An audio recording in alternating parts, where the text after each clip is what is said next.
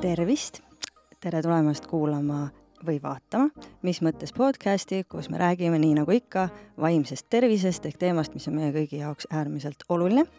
oma eelmises episoodis rääkisime militaarpsühholoogiast äh, kapten Jorma-Helen Nurmega ja jõudsime muuhulgas ka sellisesse punkti või sellisesse, sellise teema juurde, et äh, üks kõige fantastilisemaid ja levinumaid äh, piinamisvorme on see, kui inimestel ei lasta küllalt palju magada.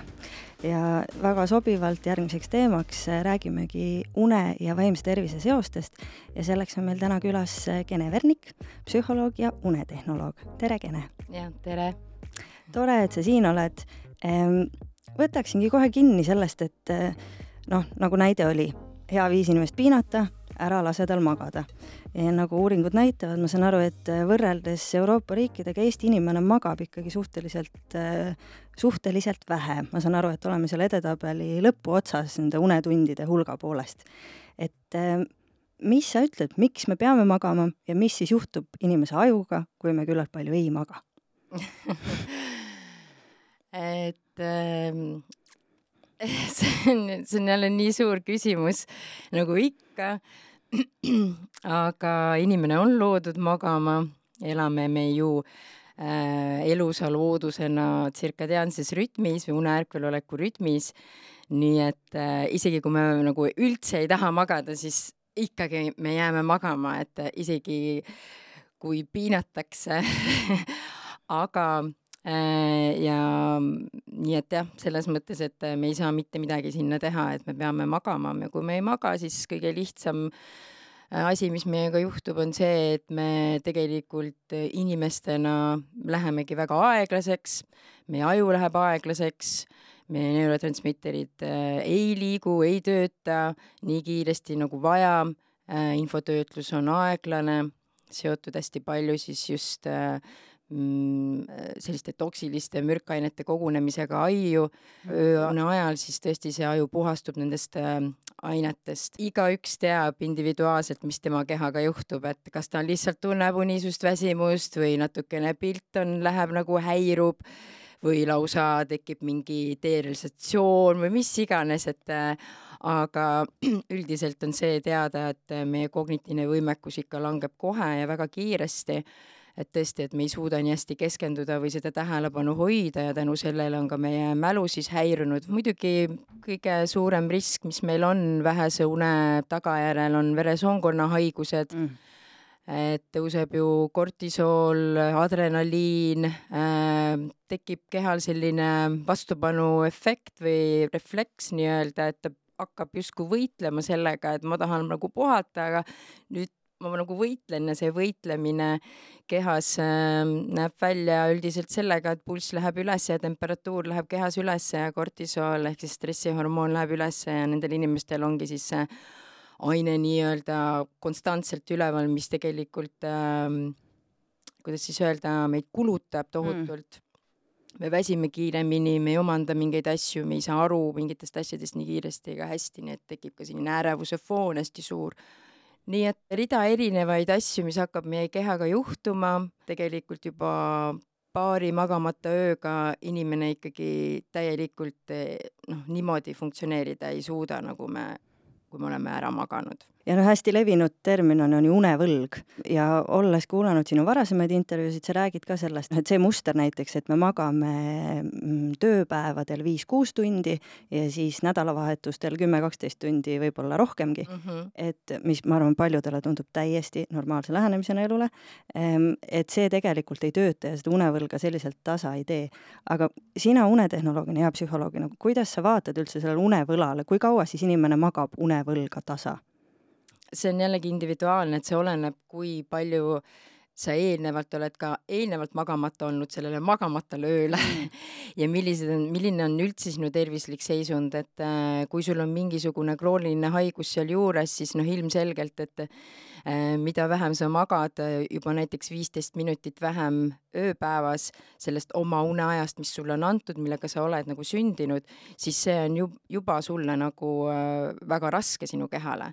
nii et iga minut on arvel et noh, üldiselt äh, inimesed arvavad, et noh, et kui ma siin paar päeva magamata olen, et siis ei juhtu nagu minuga midagi, aga tegelikult selle paari päeva taastus kestab ikkagi selline mitu-mitu nädalat, et see ei ole selline, et et nüüd, kui ma nädalavahetusel magan äh, kaks ööd kaheksa või ma ei tea, kuni kümme tundi, et siis on kõik väga hästi, aga need neurotransmitterid ja need ähm, teatud ajuosad on juba hävinenud ja neid sa nagu tagasi ei saa, et see on nagu alkoholiga, et sa jood ja siis rikud oma rakukesi, et äh, samamoodi on unedeprivatsiooniga, et äh, et me taastame küll oma füüsilist keha mingil määral, aga, aga üldises lõikes me ikkagi kaotame palju ja täielikku taastust äh, saada siin paari päevaga ei ole nagu noh, võimalik. Äh, ja see on hästi individuaalne, et kui halb sul siis hakkab nii-öelda, et kui sa oled kaotanud viisteist minutit, mina võin öelda, et kui mina ei saa oma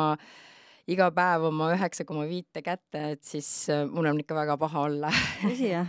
jaa, ma olen kohe nagu, ma lihtsalt olengi unine, väsinud ja kärsitu ja jonnakas ja nii edasi, et et äh, ja kui ma siis patsientidega töötan, siis tegelikult on seal ka väga hästi näha, et inimene tuleb võib-olla vastuvõtule oma seitsmetunnise unega, ta ütleb, et kõik on okei okay,, aga ma olen unine väsinud, on ju, et aga noh, mhm. seitse tundi on jumala okei okay, justkui aga kui me taastust teeme, siis see uni kasvab äh, nii-öelda selline kaheksa poole peale üldiselt ära ja siis inimene saab aru umbes kuu või kahe kuu pärast alles ahaa et kui palju see elukvaliteet võib wow, tõusta. okei okay,, et päris mm. hea on olla, on ju, et äh, jaa noh, on selge see, et äh, mingid äh, tõed on universaalsed, ma arvan, enamik meie vaatajatest-kuulajatest ka teab, et ekraani scroll imine, ükskõik kui meeldiv see on enne magama jäämist, ei ole tegelikult hea, et söömine enne magama jäämist ei ole hea.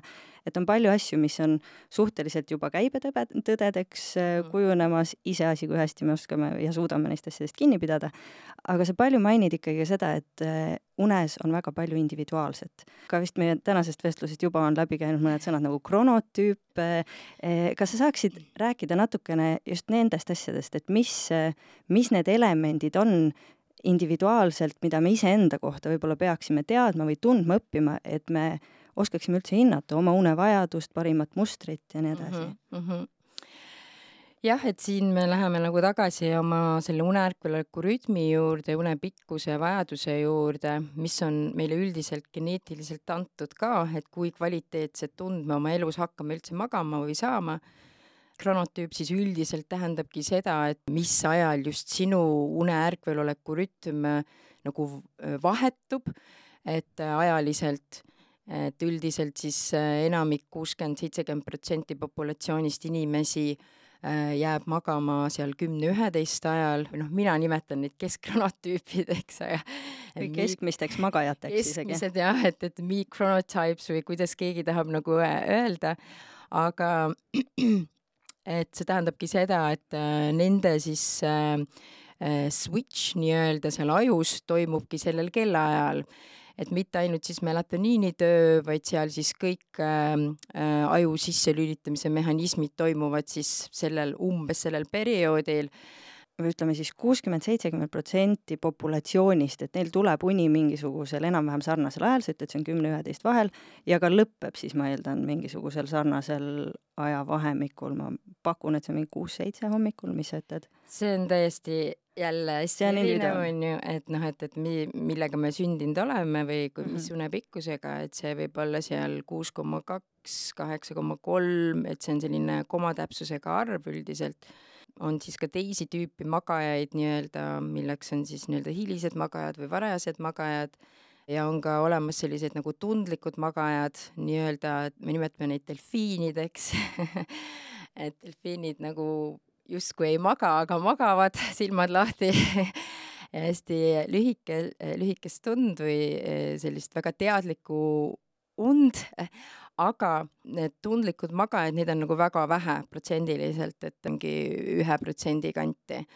aga hiliseid jääb ka sinna niimoodi eh, seitse kuni kümme ja varajasi ka täpselt samamoodi, et miks see nagu oluline inimese jaoks on teada, on sellepärast, et kui me vahetame tööd või me elame mingisuguses sellises keskkonnas, mis mõjutab meid nii palju, et ta mõjutab meie tsirkadiaanset rütmi, meie bioloogilist rütmi, siis me jääme igal juhul unevõlga, et me ei saa nagu äh, muuta näiteks äh, seda, et äh, kui minu une sisselülitus toimub näiteks kümne ajal, aga nüüd töö tõttu ma pean magama minema kell kaks öösel, et kas see on okei okay,, kas ma jään siis unedeprivatsiooni, jah, sa jääd. et see on liiga, liiga hiline aeg, et üldiselt seda kronoottüüpi või seda aega saab muuta seal tund-poolteist mm., nagu mängida selle ajaga, aga mitte väga palju rohkem ja see on seotud väga palju sellega, et just melatoniini surve ajus või äh, kontsentratsioon ajus ongi just sellel perioodil hästi võimas. hiljem ta ei ole nii võimas ja äh, näiteks N3 ehk siis sügavuni või siis REM-uni hakkavad oma äh, protsenti vähendama või, või noh, need vähenevad äh, struktuuris ja sa jääd unevõlga. kõigil unefaasidel on oma kindel funktsioon ja see on hästi oluline, et see protsent oleks seal väga täpne ja olemas, et me ei saa niimoodi elada, et meil N3-e on võib-olla ainult äh, viis protsenti ja siis REM-e on järsku kolmkümmend protsenti või mhm. nelikümmend protsenti, et see on nagu võimatu kas sa võtaksid korraga lühidalt lahti, et mis need äh, faaside funktsioonid on mm? -hmm. kui ma magama jään, millega mu aju alustab?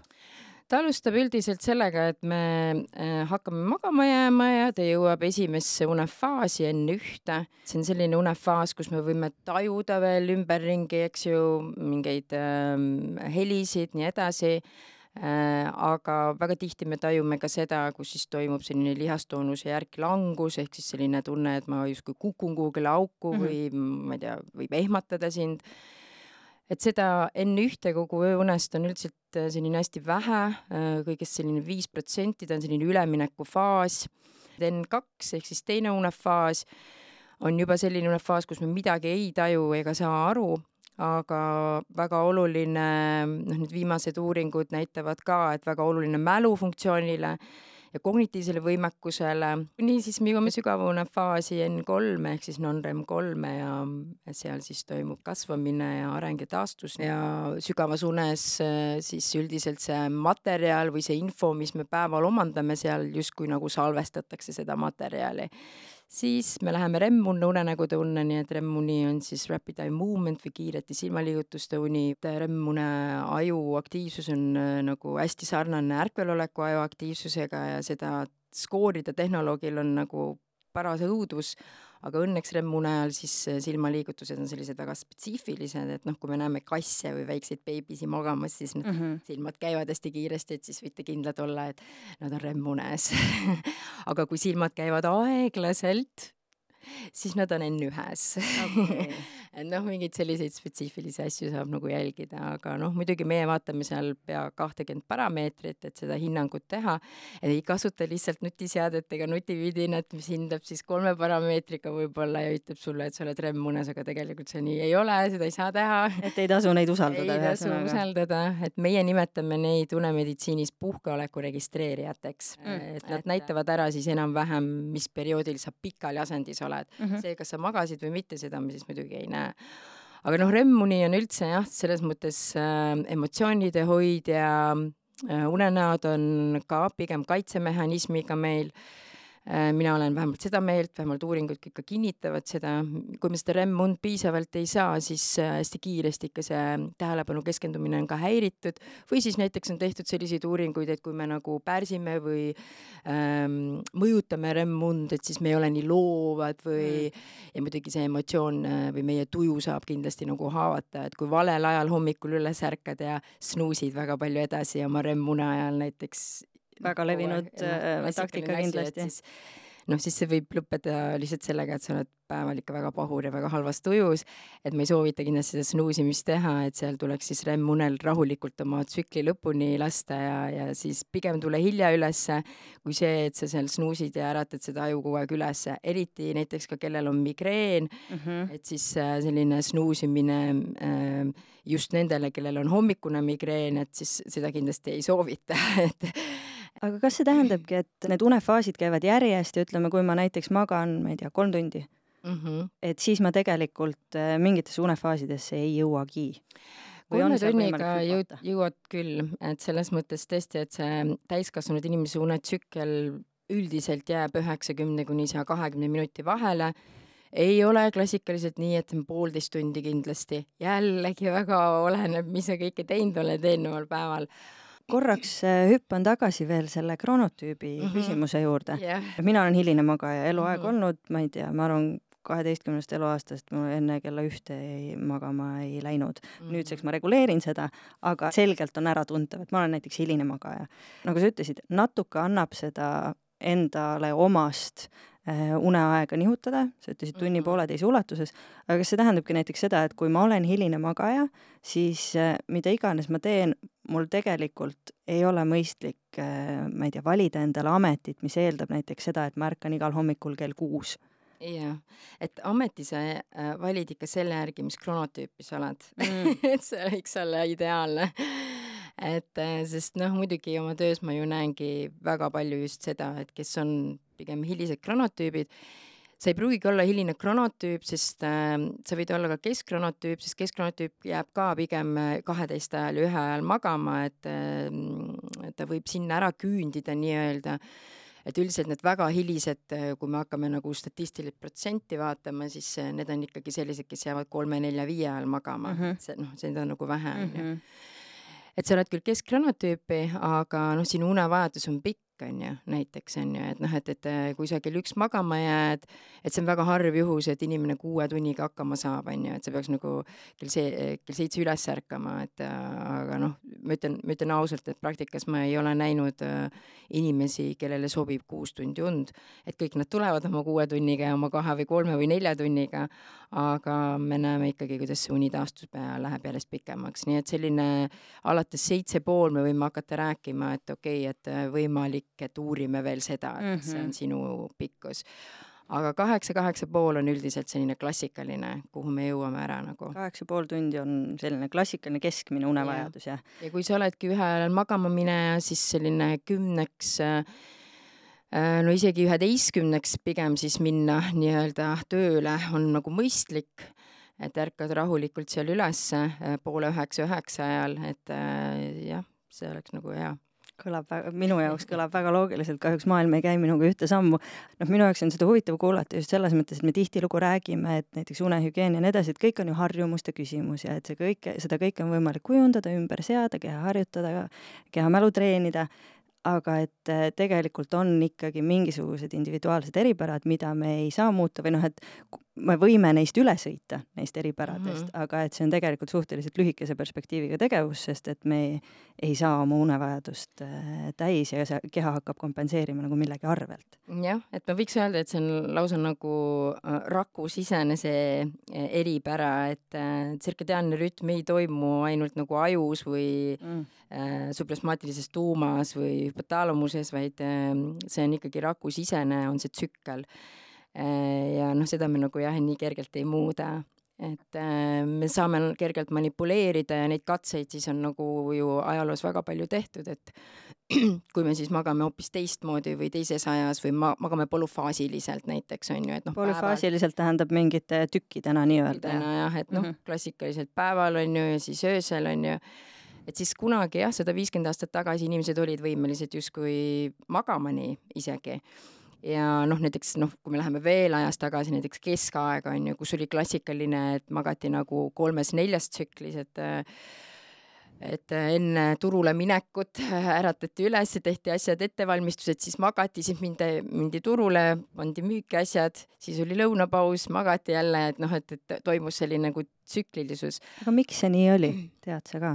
Sest ei olnud veel tekkinud tööstusrevolutsiooni nii-öelda, aga tõesti, et inimesed ei teinud nagu äh, nii-öelda järjepidevat tööd või sellist mhm. kaheksa-üheksa tunnist tööd, et see on nagu kindlasti kõige suurem mõjutaja. et kui nüüd tööstusrevolutsioon tuli ähm, üle-eelmise sajandi lõpus ja eelmise sajandi alguses, siis äh, vaadati, et okei okay,, et kurat, me oleme palju efektiivsemad, kui me siin kuusteist tundi järjest paneme ja siis magame ka nagu järjest, et siis meil on seda jaksu teha ja me oleme efektiivsed ja saab palju raha ja jumala äge aga, ja nii siis inimkond nagu harjutaski ennast nii-öelda ühte ööunne tegelikult mm.. geneetiliselt on ka ööuni lühenenud äh, viimase kuuekümne aasta jooksul juba.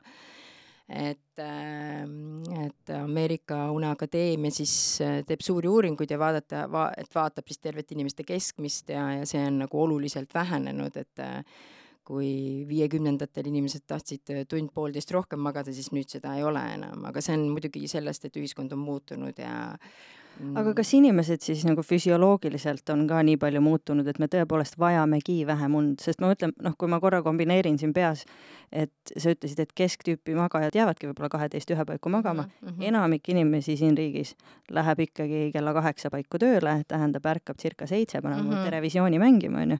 et eh, kas me siis võimegi öelda, et meil on kuuskümmend, seitsekümmend protsenti populatsioonist pidevas unevõlas?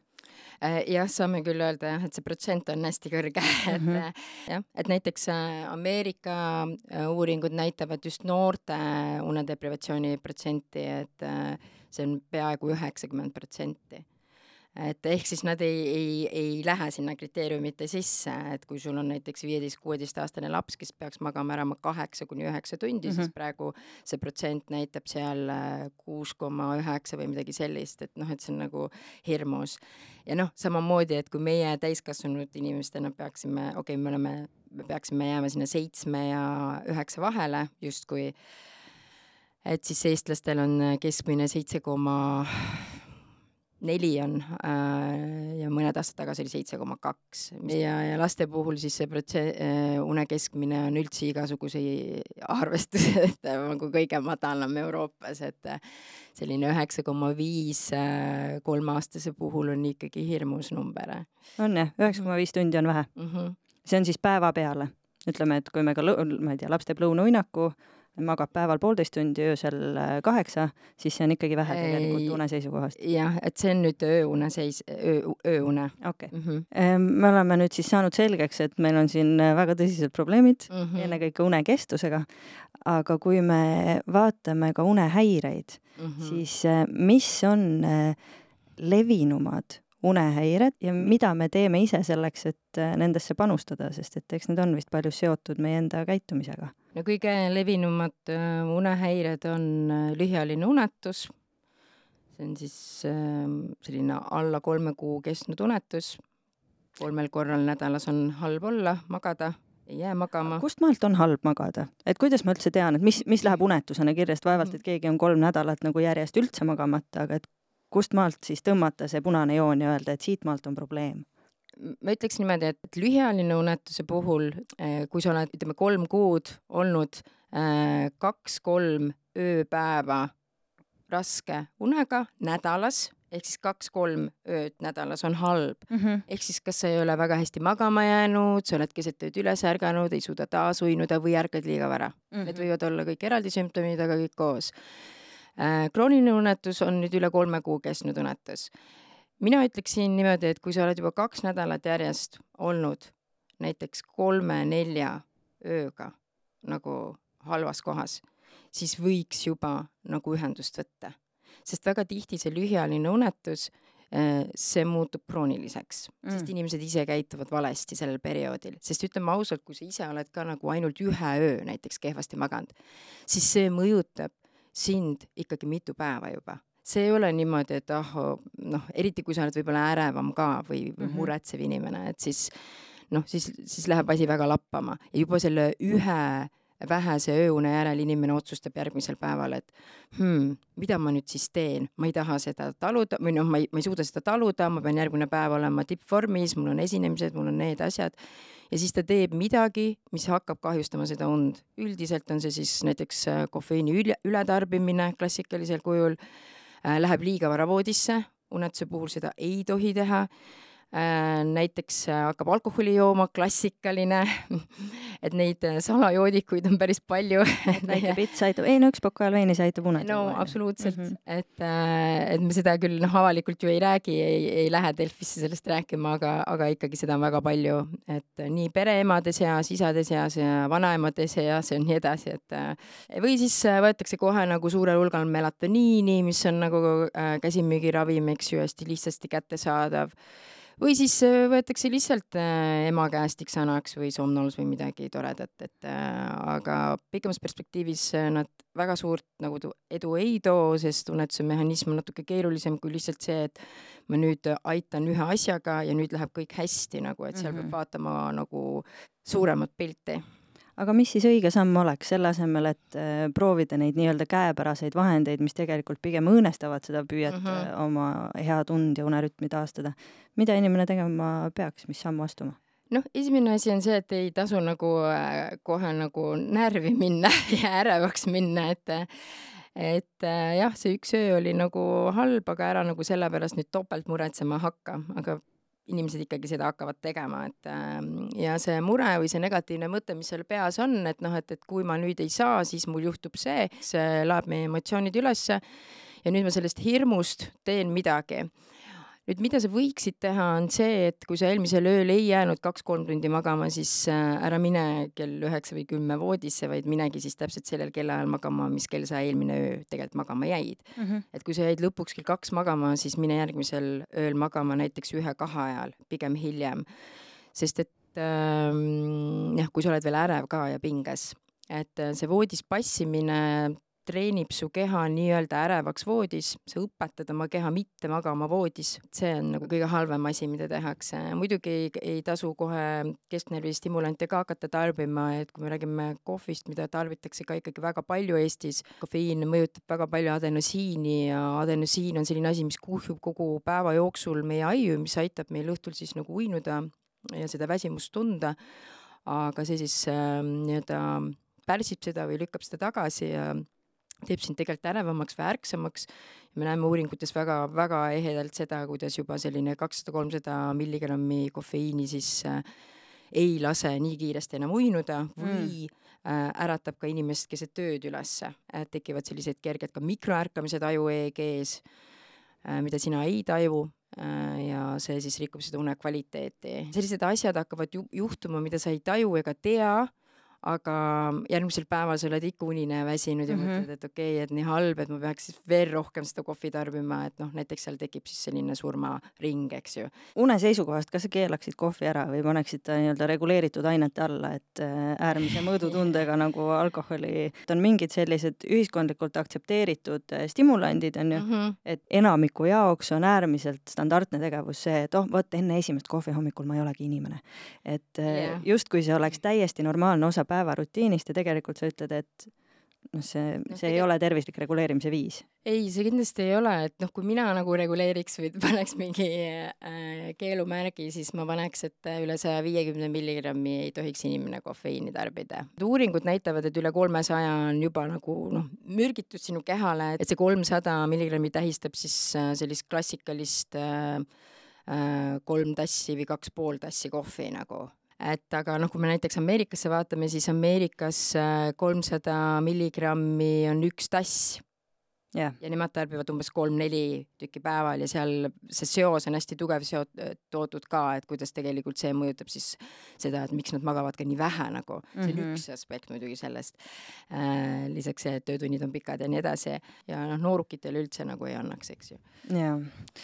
Üks äh, element veel, mis minu jaoks oli üsna uus ja millest mulle tundub, et äh, väga laialdaselt vähemasti veel ei räägita, erinevalt jällegi olgu see kohv, alkohol, treenimine, söömine ja nii edasi, on voodis oleku aja vähendamine. Mm -hmm. ehk siis, et äh, tõepoolest, ma arvan, paljud mõtlevad, et ma lähen vara voodisse, ma loen seal, niimoodi ma vaikselt keeran ennast maha ja ma saan aru, et sinul unetehnoloogina on hoopis teistsugune soovitus, et voodi peab olema magamise koht, magamise ja seksuaaltegevuse, aga et, et kõik muu, mis, mis seda ei puuduta, peaks jääma voodist väljapoole, sealhulgas näiteks lugemine. Mm -hmm. et mm -hmm.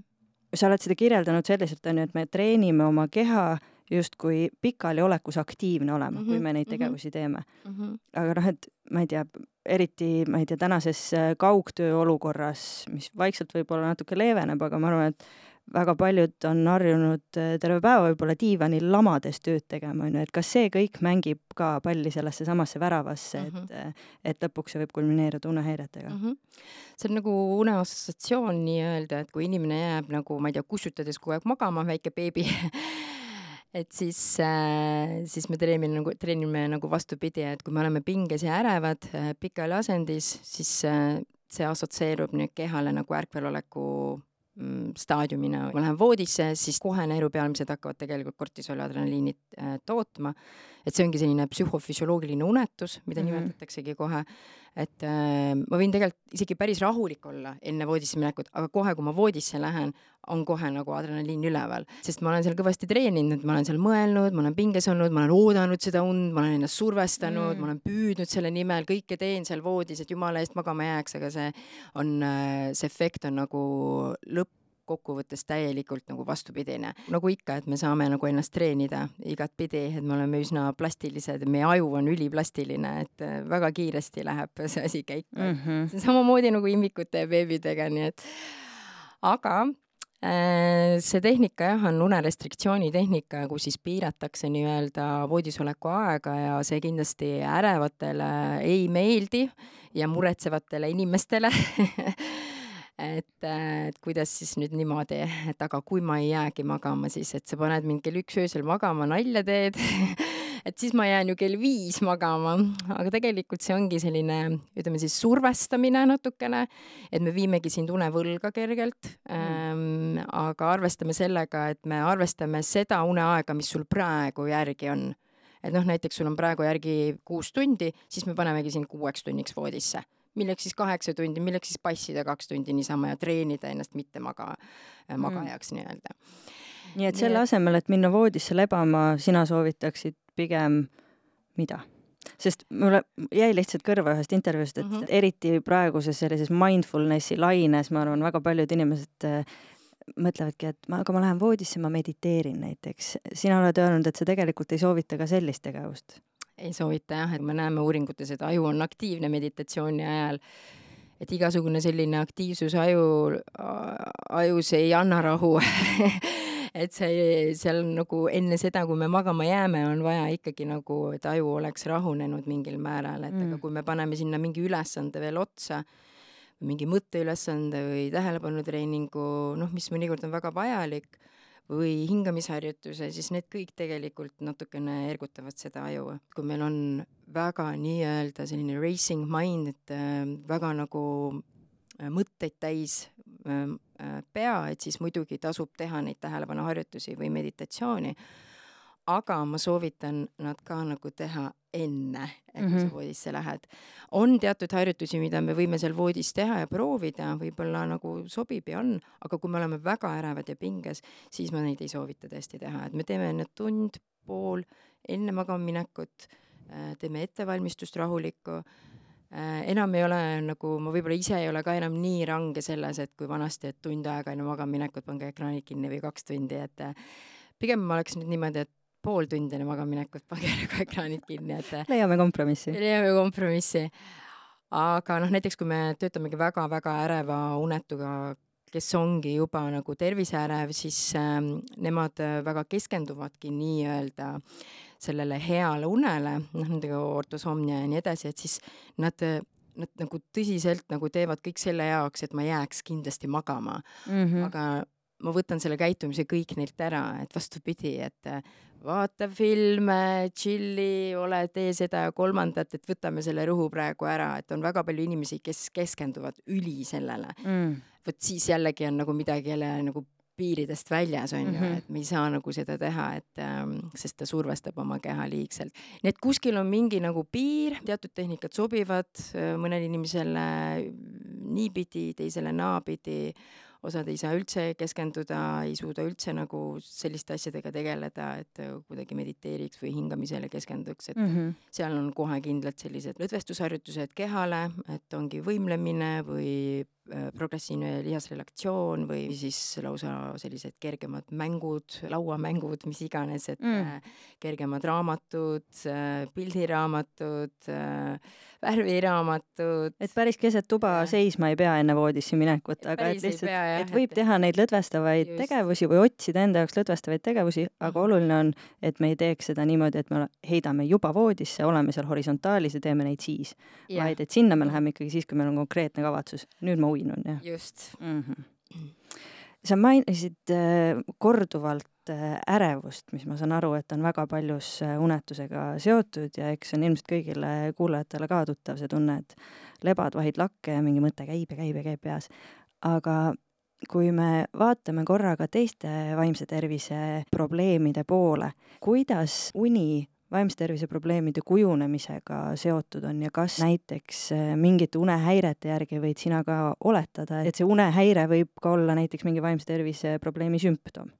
jaa, komorbiidsust on nagu väga palju, üldiselt kui klient tuleb, ma võtan lihtsalt nagu juhtumi näitel, nii on kõige lihtsam nagu mhm. kirjeldada mm, -hmm. Et tavaliselt inimene kirjeldab mingit muret, mingit sümptomit, mis teda häirib ja pikema intervjuu käigus äh, me saame ka aru, et okei okay,, et siin on väga palju näiteks üldistunud ärevushäire sümptomaatikat, väga palju noh, unetust, äh, mis äh, ongi üks sümptom, võib-olla üldistunud ärevushäire või näiteks depressiooni üks sümptom on klassikaliselt unetus. et siis siin tänapäeval me nagu noh, ei tee niimoodi, et teeme siis nüüd unetuse ravi ja siis teeme üldistunud ärevushäire ravi, et kumma me enne võtame, et me võtame paralleelselt need ette tegelikult. Mm., et eriti depressiooni puhul me näeme uuringuid ka, et kui me teeme kognitiivkäitumuslikku teraapiat depressioonis, eks ju, mis ongi kõige efektiivsem sellele häirele ja paralleelselt teeme unetuse kognitiivkäitumuslikku teraapiat, siis see on väga võimas kombinatsioon omavahel mm. -hmm. aga noh, kui me depressioonist räägime või depressiooni ravist, siis noh, me peame seal hakkama nii-öelda baasvajadusi korda ajama ja üks baasvajadus on uni, eks ju.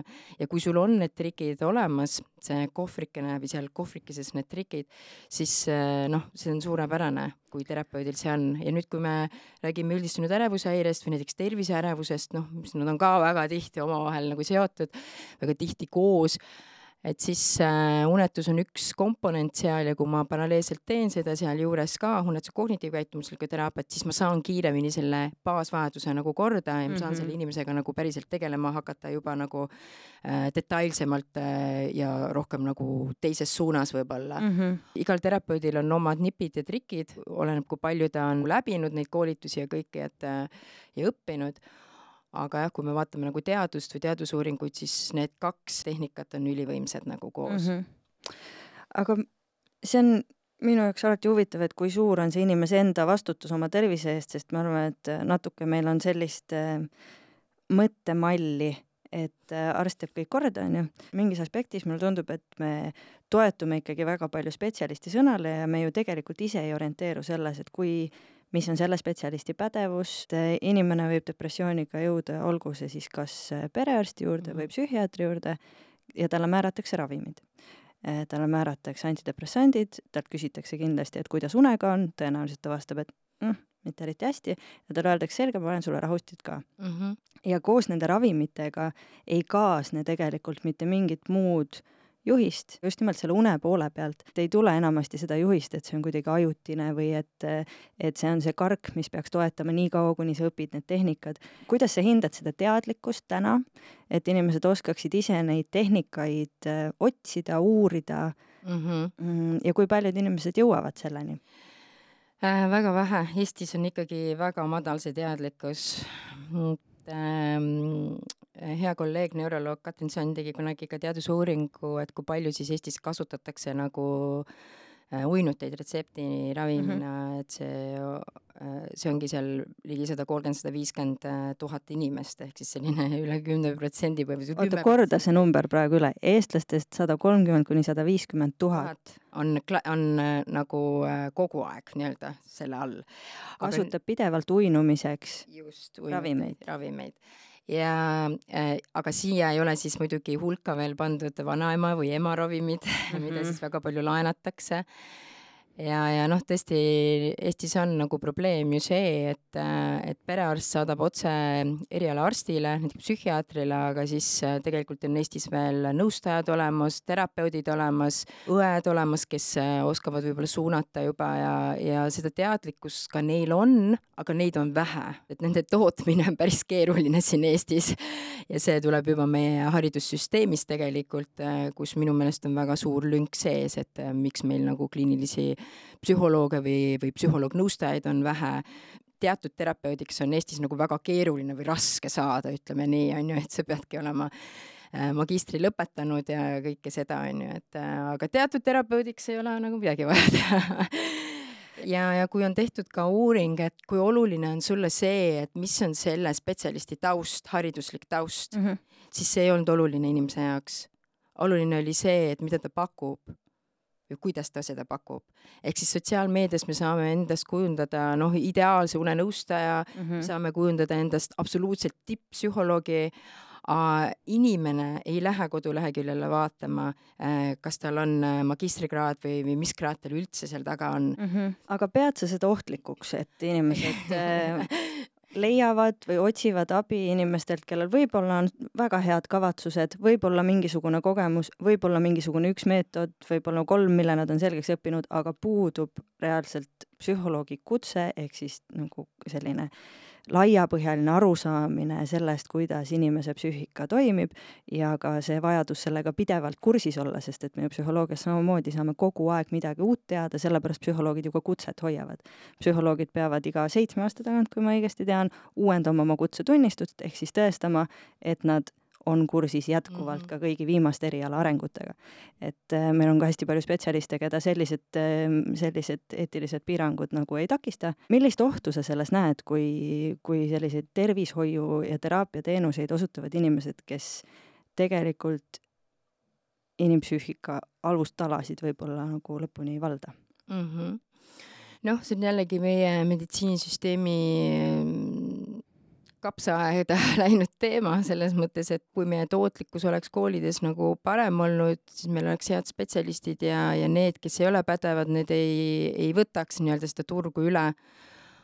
ja noh, siin on nagu eetiline küsimus, et noh, et, et okei okay,, et sa ei saanud nagu psühholoogile, sellepärast et sinna on aastane järjekord ja siis keegi pakub, kes on, on ju, ja võib juhtuda, et ta on talle täitsa okei okay eks ju, et ta teeb mingit nõustamistööd, ta on, annabki, et kuule, et peadki võib-olla hingama või olema või mhm. tegema või küünlaid panema või põlema ja mediteerima, et, et noh, et, et see kõik nagu noh, võib nagu aidata seda, aga pikemas perspektiivis äh, muidugi meie spetsialistidena näeme, kuidas äh, need inimesed siis, kliendid tulevad tagasi suure ringiga, et äh, et kui see klient ongi nagu ära äh, lõhutud äh, äh, somnalsi, mirtasapiini ja veel mõne sellise Z-ravimiga, et siis tal on nagu nii palju ravimeid peale pandud. noh, mis ma tahan sellega öelda, on see, et tegelikult võib-olla sobis talle keegi nõustaja, eks ju, kes ütleb, et kuule, et ole nüüd vähem voodis, mitte see, et talle pannakse kohe nagu ravimiravi peale, et mina mm., miks ma sellest teemast praegu noh, niimoodi räägin, on see, et mina näen ikkagi neid, kes on sõltuvuses ravimitest mm.. mina tegelen ravimi võõrutamisega, uinutite võõrutamisega, seda on mulle õpetatud. Ähm, ja, ja kui me tahame bioloogilist und üleüldse taastada, siis me ei saa kolme ravimit korraga nagu kasutada mm -hmm. ja mhm. taastust teha, et see on noh, ilmselgelt võimatu ja see koostöö äh, pädevate arstidega mul on väga hea, mul on väga hea meel selle üle, et psühhiaatrid ja perearstid väga usaldavad ja me saame nii-öelda selle inimese sealt rajalt äh, maha, et ta ei jääks sinna küüsi, sest noh, ta lõpuks magab ikka oma kahe tunnise unega ja võtab oma kaheksa immovaane tableti sisse, et noh, et, et mis mm -hmm. seal mhm. siis nagu on, onju et tähtis on tegelikult see, et inimene saab asjakohast abi, sest et igasugused mm -hmm noh, et tundub, et on nii palju selliseid äh, lühiajalisi leevendusi, mis justkui ravivad korraks mingisugust mm -hmm. sümptomaatikat, olgu, olgu see mingi ravimiga või pärast mingit äh, hingamisseanssi mm, -hmm. sa võid ennast tunda paremini, aga et see võib olla ka selline noh, arteriaalse verejooksu lappimine leukoplaastriga on ju, et yeah. et sulle korraks tundub, et noh, jäi kinni, aga et see ju, see tegelikult takistab seda jõudmist õige aeg või õige või vajaliku mm -hmm. abini, sest sul korraks hakkas parem, sa ütled endale, et no vot, aga nüüd vist ongi kõik hästi ja vaikselt tulevad need probleemid ikkagi tagasi mingisugustest teistest külgedest, et see lihtsalt pikendab seda asjakohase abini jõudmise protsessi. jaa, et siin ma tahan lihtsalt ka seda öelda, et, et alati ei ole erialane arst nagu asjakohane näiteks nõustamises või psühhoteraapias, näiteks selline asi on ju, või et hindamises et, ähm, et siin tuleb ka selle osaga nagu ettevaatlik olla, et arst on küll arst, aga arst ei pruugi teada kõike mm. nagu meditsiinis, et ta on ka oma valdkonna eriala spetsialist, eks ju mm. -hmm. et see on, see on nagu noh, mina näen nagu seda poolt ka nagu hästi palju, mitte siis ainult seda mm -hmm. poolt, et äh, et tehakse nagu väga halba nõustamist, et mm, -hmm. äh, et, et äh, ei hinnata inimest või ei osata hinnata ja, ja ma ei tea, ravitakse depressiooni asemel midagi muud, on ju, et noh, et, et seda on muidugi palju, et aga on ka teistpidi, et mm -hmm et tuleks nagu usaldada rohkem ka nõustajaid, psühholooge, psühholoog-nõustajaid ja terapeute, aga alati vaata, mis on, mis on tema nagu CV-s ka nagu, et, et saada seda pädevat äh, infot. no me puudutasime siin korraks äh, sellist teemat, mida mulle meeldib nimetada heaolutööstuseks, mis meil ka väga äh, õitseb praegusel hetkel et äh, sellest tulenevalt küsin ka näiteks toidulisandite kohta, mis on ka meil hetkel väga reguleerimata, aga äärmiselt, äärmiselt levinud, et inimesed äh, disainivad fantastilisi brände, mis teevad sulle selgeks, et heale unele, heale tervisele, seksuaaltervisele, välim-, ma ei tea, ilule ja nii edasi, aitavad kaasa kõikvõimalikud äh, Peruu vihmametsadest leitud juured. kuidas sina sellele vaatad, et kas on mingisuguseid äh, toidulisandeid, mida me hea une toetamiseks peaksime võtma või on siin palju ka sellist pseudoteadust? jah, ma nagu ei soovita toidulisandeid tegelikult esimese asjana üldse. noh, toidulisandina melatoniini müüakse ja noh, sinna on veel lisatud igast toredaid asju, et on vitamiine ja mm, -hmm. ja mhm. mineraale veel ja mida iganes aga noh, seda sinu käitumist ta ikka ei muuda, et et ütleme niimoodi, et äh, melatoniin kui toidulisandina õigel hetkel õiges koguses võtta võib olla asjakohane äh,, aga mina soovitan alati puhtal kujul melatoniini tarbida, mitte siis nagu noh, ma ei tea, et selles kapslis on, me täpselt ei tea, palju mm -hmm. seal mhm. mida on, on ju. on tehtud neid uuringuid ka väga palju, kus on siis võetud kõik need toidulisandid lahti ja vaadata, kui palju siis tegelikult seda kogust seal on ja tegelikult äh, väga suur hulk on täiesti vale. Nii et mitte kunagi ära pigem osta nagu äh, noh, nagu erinevatest asjadest koosnevat toidulisandi pakki, et. Teist pilti vaadates, kui on klient, kes on tulnud palju erineva toidulisandi tarbimisega, noh, ilmselgelt, et oma und korda ei ole saanud vaid pigem on see tarbimine läinud nagu üle igasuguse arvestuse, et äh, on olnud üks patsient, kes tarbis kolmkümmend milligrammi melatoniini iga päev. et see on selline kogus, noh muidu on nagu kolm milligrammi lubatud et tal olid väga rasked ärevushood ja, ja perearst saatis et mis nüüd saab mis siis saab, et hakkame siis võõrutama, et see võõrutamise kunst on omaette kunst, kui me räägime siis ka jälle ravimitest ja kõigest toidulisanditest, et aga ju nad ju räägivad, ma usaldan neid ja neil on ju mhm. uuringud taga ja mm -hmm. no et aga no vaatame siis neid teaduspõhiseid uuringuid seal taga, et mis, mis see valim seal on ja et, äh, et, et tegelikult, kui me nagu läheme süvitsi sinna, siis me näeme, et see teaduspõhisust seal taga tegelikult ei ole, ma ei ole seda usku mm. -hmm. ma ei ole ka Balderiani usku, nii et ei ole jah ei ole jah, et minu jaoks need on kõik platseebod natukene sarnasest valdkonnast minu jaoks, aga et unenäod on üks teema, mis, mis intrigeerib väga paljusid ja mida samamoodi osades teraapia suundades ja protsessides kasutatakse justkui ehm, noh, mingi alateadliku materjali tõlgendamiseks, nii edasi. kuidas sina ütled, mis siis, mis siis on unenäod ja kas eh, tööl unenägudega võib ka olla teraapiaprotsessides mingi koht? noh, ma saan ainult jällegi rääkida teadusuuringutest, et, ehm, et need inimesed ehm, näiteks, kes, kellel oli posttraumaatiline stresshäire, nad on mingi trauma läbinud ja kui nad seda traumat korduvalt oma unenäos nägid, siis nemad said kiiremini tervemaks. see on hmm. selline üsna no see on üsna loogiline ka, sest kui me eksponeerime ärevusele näiteks on ju, noh, meil on mingi foobia on ju, me kardame seda ämblikut, et siis noh, esimene tehnika üldiselt, mida tehakse klassikaliselt, ongi siis eksponeerim-, eksponeerimine, et noh, et, et vaatleme siis seda ämblikut ja proovime temaga sõbraks saada ja et äh, oleme võimalikult palju selles ärevuses, me saame aru, et tegelikult noh, midagi hullu ei juhtu, on ju. et samamoodi siis need inimesed, kes seal nägid neid oma koletusi nagu läbi, et siis äh, nad harjusid sellega ära rohkem ja see ei olnud nende jaoks enam nii emotsionaalne mm. äh, ja raske neile. ja need, kes ei näinud, siis äh, nendel läks siis kauem teraapias ka et, äh, et noh, see on nagu lihtne näide sellest, et milline nagu efekt sellel unenägemisel on. aga väga tihti küsitakse just seda, et, äh, et kui palju ma saan sekkuda unenägudesse ja kas see on mõistlik näiteks et äh, kui me näeme õudusunenägu korduvalt jällegi posttraumaatilise stresshäire puhul näiteks siis jah, tehakse tõesti seda klassikalist äh,, enam ei tehta nii palju, aga lucid dreaming'u asja, et ma nagu lähen ja muudan oma unenäo sisu, on ju. et ma ei näeks enam seda, seda on võimalik teha, treenida aga, aga seda võiks terapeudiga koos teha ja noh, kui ma haiglas töötasin, siis ma nägin ka mõnda patsienti, kes oli seda lucid dreaming ut liiga palju teinud.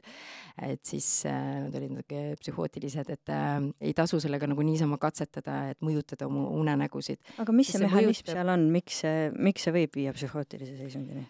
no see on üks jah, et seal kindlasti on komorbiidselt veel mingeid mm -hmm. asju, aga üks asi on see, et äh, tegelikult kui me nagu mõjutame äh, millal me magame, kui palju me magame, sest seal on nagu kindlad ajad, millal nad magavad ja kui palju nad magavad et seda REM-und siis nagu veel rohkem nagu boost ida ülesse. tegelikult sa hakkad aja jooksul ilma jääma nendest unefaasidest, jääd unepuudusesse tegelikult. ja unepuudus toob kaasa endaga nagu kõikvõimalikud nagu äh, halvad äh, tagajärjed, nii et mm -hmm. ja see asi, mis sul on või see mure, mis sul on, võib süveneda tegelikult või noh, see ärevusseisund näiteks on ju. või siis tek tekib obsessioon on ju, et noh, ma nagu, ma pean, mul on nüüd selline asi seal vaja ära teha või et mul, ma kindlasti, mul on noh mm., selles mõttes neid asju on ka olnud. aga seda ma nagu ei soovita. unenäod üldiselt äh,, une, REM-une ajal on meie emotsionaalne aju hästi aktiivne ja meie emotsioonid saavad nagu vabaneda jah, et, et kui me päevasel ajal oleme üsna kinnised tegelikult, siis öösel toimub selline vabanemine ja visuaalne osa ka ajus on hästi aktiivne REM-une ajal, nii et meil siis visuaalselt võime ka nagu näha seda nii-öelda kujutust või hallutsinatsiooni, samal ajal kui me oleme ka emotsionaalsed ja see vabanemine äh, on pigem nagu positiivne, et näiteks äh, laste puhul või laste uuringute puhul, et kui äh, need lapsed, kes jällegi elasid rohkem läbi või, või näe-, või kellel on rohkem REM-und või, või, või see on nagu normaalne, et siis nendel on nagu paremini ka mm., nende käitumine on ka parem või nad on emotsionaalselt ka paremas seisus et aga kui REM-und pärssida või seda ei ole, siis põhimõtteliselt võib inimene ära surra, sellepärast et isegi kui inimene ei näe, ei ole sügavas unes nii palju, kui ta võiks olla umbes, kakskümmend viis protsenti, siis ta jääb ellu, lihtsalt äh, tal tekib igast muid äh, lisahäireid, on ju, noh, veresoonkonna häiretest või mida iganes, kroonilised valud või mm -hmm. liigeshäired. aga kui me nagu REM, REM-unest, REM-und vähendame või hakkab see vähenema millegi tõttu või mingi ainete tõttu või Äh, siis ähm, või, või siis tõesti nagu piinataksegi seda inimest, siis see inimene lihtsalt sureb ära, sest see remm, remmune hulk on nagu üliülioluline inimesele protsendiliselt ka. ja näiteks äh, inimesed, kes on depressioonis rohkem, siis nendel on remmul, remmune hulk tegelikult suurem osakaalus. Nende remmuni algab näiteks varem, noh mm. Et äh, seal äh, varem kui kuuskümmend minutit, noh, meie vaatame seal nagu neid numbreid ja siit võiks nagu oletada, et kui inimene on raskes seisundis, on ju, et siis see, see REM-uni on praegu justkui kaitsemehhanismina mm -hmm. tegelikult sellele inimesele. aga see on oletus, see ei ole veel kindel fakt et aga mulle tundub see kõige loogilisem. aga see oletus ongi siis see, et seal ütleme siis, et selles REM-une faasis on võimalik nende emotsioonidega nii-öelda, noh, et nagu aju teeb nende emotsioonidega tööd nii, et see ei ole võib-olla nii terav kui ärkvelolekus.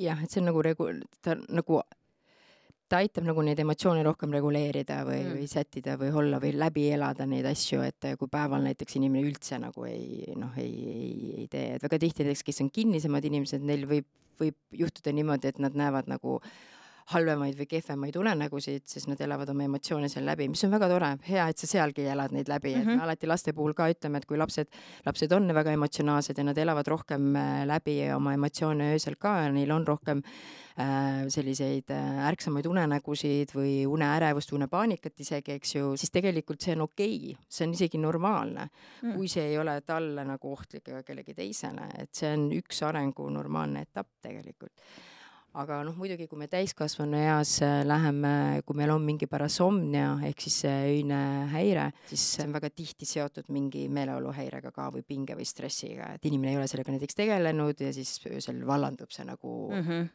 hoopis sellises käitumises on ju, kus ta unepaanikas võib kellelegi lüüa või mis iganes, et, et noh, selliseid asju on ka lastele mõeldes, me oleme täna rääkinud sellest, et laste unevajadus on äh, suurem ja et need unetsüklid on natukene teistsugused, aga sa oled ka öelnud, et see meie süsteem, kus lapsed magavad päeval lasteaias ja siis ööund justkui vähem, et see võib-olla on ka varsti minevikku jäämas.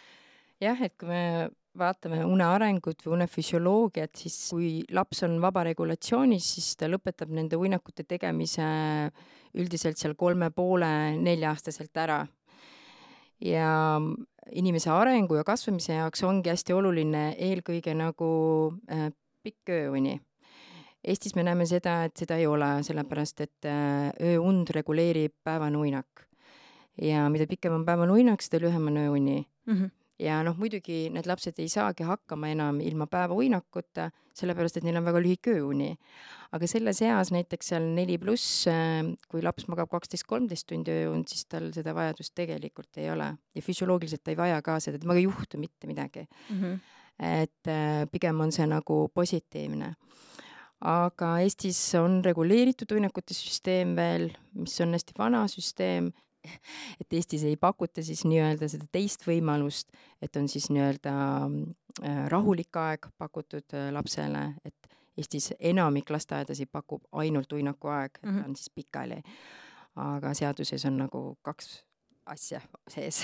see mõte või see arusaam, et uni on väiksele lapsele hästi oluline, et kui ta ei saa seda und, siis ta põhimõtteliselt temaga juhtub midagi või ta, ma ei tea, ta saab mingi haiguse või et siis ta ongi aktiivsus-tähelepanuhäirega laps või mm -hmm. see, see on, see on väga vale mõte ja seda mõtet kannavad väga paljud lasteaiaõpetajad veel. et võiks nagu viia ka Eesti lasteaiad rohkem vabaregulatsioonile ja anda seda teist võimalust, et kui ja ja, ja vanemad on ka rohkem teadlikumad juba tänapäeval, et unerutiin on olemas ja mm. õhtul tuleb laps magama saada, aga meie Eesti ühiskond muidugi ka ei soosi seda ärajätmist, äh, päevauinakute ärajätmist, sest meie inimesed jõuavad koju väga hilja et näiteks kui me lõpuks jätame ära alates neljandast eluaastast noh, nagu kohustusliku uinaku, et siis sellest lapsest Eestis arvatavasti midagi järgi ei jää, et äh, tal läheb väga keeruliseks, et äh, sest see vanem peab ta kell seitse või pool kaheksa magama panema õhtul. nii nagu Norras või Taanis, eks ju,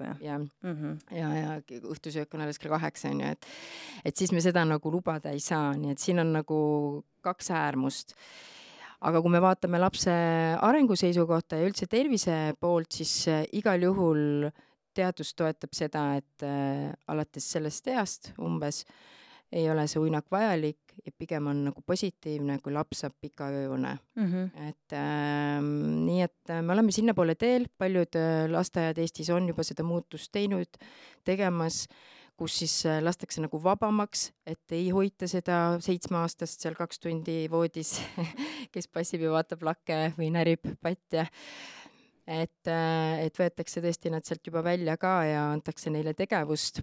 Ja kõige hullem, mis ongi Eestis, on see, et äh, et noh, valgus on äh, põhiune ärkveloleku regulaator ja meil valg-, valget aega ei ole väga palju, et äh, põhimõtteliselt äh, kuus-seitse kuud oleme pimeduses ja nüüd me hoiame oma lapsi ka pimeduses nagu päevasel ajal, sellel kellaajal, kus tegelikult laps võiks väljas olla, näiteks mm. kahe-kolme ajal võiks laps täiesti väljas olla. see valguse teema on üldse vähem kõneldud aspekt äh, une juures ja ühes oma intervjuus mainisidki kuidagi selliselt, et inimesed tulevad äh, noh, talvisel, ütleme siis pimedamal ajal äh, tulevad koju, mõtlevadki, oi, ma teen endale siia selle pehme valguse, siis on hästi hubane. et tegelikult see on une mõttes hästi kahjulik tegevus olla hämaras, kui sul ei ole plaani magada jaa, absoluutselt. et esiteks melatoniini aktivatsioon hakkab juba pihta, kui sa hämaras oled, sest melatoniin aktiviseerub ikkagi pimedusega, mitte midagi muud. ja, ja sa oledki seal uimane ja väsinud ja, ja ta teeb oma mingi osa tööst ära juba ja siis, kui sa peaksid magama jääma, kui toimub siis päris nii-öelda see switch äh, ajus äh,, siis äh, siis seda survet ei ole nii palju, aga, aga tõesti jah, et, et me peaksime selline kaks tundi enne magamaminekut või poolteist tundi enne magamaminekut äh, vaikselt nagu hämaraks tõmbama, aga mitte siis viie, kuue või seitsme ajal, et et võimalikult palju valgust võiks saada, et selline kaheksasada kuni tuhat luksi valgustugevust võiks saada, et see on selline korralik päikesevalgus ja tegelikult seda võiks saada kogu päeva. Ja eest-, eestlastel ei ole seda võimalust väga tihti siis kasutame siis päevavalguslampe või siis erevalgusravi lampe, mis müüakse siis tavalistes elektroonikapoodides. kui me siin juba läksime eestlaste une kvaliteedi parandamise kallale nii lasteaedade kui nende koduste valguslahenduste mm -hmm. kaudu, siis kui oleks selline uneministri positsioon, kellel on Eesti Vabariigis absoluutne võim president ei pea midagi allkirjastama ja selles ametis oleks Kene Vernik, siis mis oleksid need, ütleme, viis äh, muudatust, mille, mille sa ellu viiksid eh, selleks, et eestlaste unekvaliteet oleks ideaalne? no eestlaste uni on äh, kehv suures osas äh, vaimse tervise pärast, see on pool sellest. noh, ja seal on siis keskkonnategurid ja so sotsiaalsed tegurid. Nii et me peame alustama kuskilt väga kaugelt, et äh, meditsiinisüsteemist ja kõigest sellest et äh, me saaks nagu pakkuda äh, häid spetsialiste, selle jaoks on vaja neid harida, nii et me jõuame sinna koolisüsteemi ja nii edasi, nii et seal tuleks teha väga suured muutused minu meelest. siis äh, äh, muidugi töö tööregulatsioon või töö, töötamine, et Eestis tegelikult kakskümmend protsenti inimesi töötab öötöös, et öötööl on. Ja noh, öötööd ma ei soovita kellelegi, et äh, see on kohutav. Et kas on võimalik kuidagi seda reguleerida, ma arvan, et ei ole. Ja paljud on selle valiku teinud äh, raha ja muude asjade pärast, ma saan aru, et me seda ära ei võta, aga kuidagi seda osakonda ka seal nagu rohkem toetada. Mm. -hmm. Ehm, siis äh, tööle üldiselt jah, et, et inimesed oleksid rohkem teadlikumad, et kuidas oma uni korda saada ja kui sa tead oma kronotüüpi, et siis lähed sellel kellaajal tööle mis sulle sobib, et, et võib-olla siis riigiasutused ei peaks alustama nii vara. Äh, aga jah, suur rõhk läheb ikka vaimse tervise toetusele, ma arvan, et siin, siin tuleb nagu palju asju muuta ja teha ja olla, et äh, aga noh, mina, mina Eesti ühiskonda ei pea heaoluühiskonnaks absoluutselt mm. -mm. ja meie, minu meelest me ei ole isegi poolel teel et äh, ja see, et seda juurutada välja, seda meie mõttemaailma noh, et, et seda depressiivsust meie seest, et seda me ei juuruta ka veel nii ruttu välja, et see on geneetiliselt meil sees ja on see geneetiliselt? ikka natukene jah, et, et äh, raskelt, raske, raskest äh, äh, rasketest perioodidest tulnud ja näinud ja olnud, et see kõik mm -hmm. on mhm. ikkagi mõjutanud meid ja meile nagu meeldib ka natukene olla selles raskuses. aga ma arvan, et eestlane võiks rohkem käia ja olla nagu maailmas ringi ka, et mitte olla nii kinni siin ühes riigis, et äh, ja, ja kuidas seda võimalust saada, et ongi ilmselgelt me peame palju teenima ja et äh, noh, see, läheb nagu nii suureks, et noh, et mhm. palgad võiks olla suuremad ja nii edasi, et toetada seda, et meie tervis ja unetervis oleks hea, et äh, muidugi Eesti riik võiks äh, aidata rohkem spetsialiste koolitada selles valdkonnas ja äh, olla muidugi, Haigekassa võiks meile toeks olla absoluutselt nagu äh, Äh, ja, ja kõik see, aga noh, Haigekassa süsteemiga mingit koostööd saavutada, olen seda korduvalt kõrval näinud, on minu jaoks ka nagu selline väga huvitav protsess, et ähm, ma ei ole veel ise sinna isiklikult veel individuaalselt jõudnud, aga ma nagu kardan lausa seda, et see, see ei ole väga toetav et äh, ma, ma olen jah väga pessimistlik selles kõiges, et äh, ma arvan, et kui sa tahad nagu väga hästi magada, siis selles keskkonnas sa seda nagunii ei saa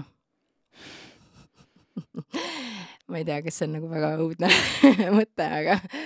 Ei, no sina oled spetsialist. jaa, et äh, muidugi mm -hmm. jah, et kui meil on nagu pere ja kõik toetab ja siis on võimalik kõik, aga, aga ma arvan, et see ilm ja kõik see poliitiline olukord ja kõik sellised asjad ja. kohe, kui sa sellest valgusest äh, rääkima hakkad, siis ma mõtlengi, et mina nii tihti mõtlen, et mis oli meie esivanematel arus, kui nad siia pidama jäid. Nad ilmselt jõudsid suvel kohale ja mõtlesid, et tundub okei okay., teised vennad läksid Ungari poole edasi ja, ja me mõtlesime, et ei, siin on okei okay., ühel hetkel tuli talv. ja noh, ma ise elan ka Eestis onju, et noh, mis mind hoiab siin onju, loodus kindlasti ja, ja, ja me sobime kokku nagu kultuuriliselt on mulle sobiv ja kõik, aga kui me räägime tervisest, tervisest, füüsilisest tervisest, siis see ei ole kõige sobilikum kliima mm, -hmm. kus elada. et siis tuleb hästi teadlikult äh, osata toetada füüsilist tervist, vaimset tervist ja olgem ausad, et geograafiliselt need mängukaardid, mis meile kätte on jagatud, äh, ei soosi, ei, soosi otseselt. ei soosi jah no aga seda olulisem on see töö, mida sina teed ja võib-olla kui me hakkame vaikselt äh, otsi kokku tõmbama, siis äh, täna sai räägitud palju sellest äh, noh, et mida me peame unehäireteks äh,, mis on sellised vastuokslikud tegevused, mis tegelikult ei aita, mida me tihtilugu teeme äh,. aga üks asi, mida sa oled maininud, mis on hea praktika enne magama minekut, on ka teatavasti tänulik olemine ja selliste optimistlike mõtete täiesti teadlikult endale pähe toomine.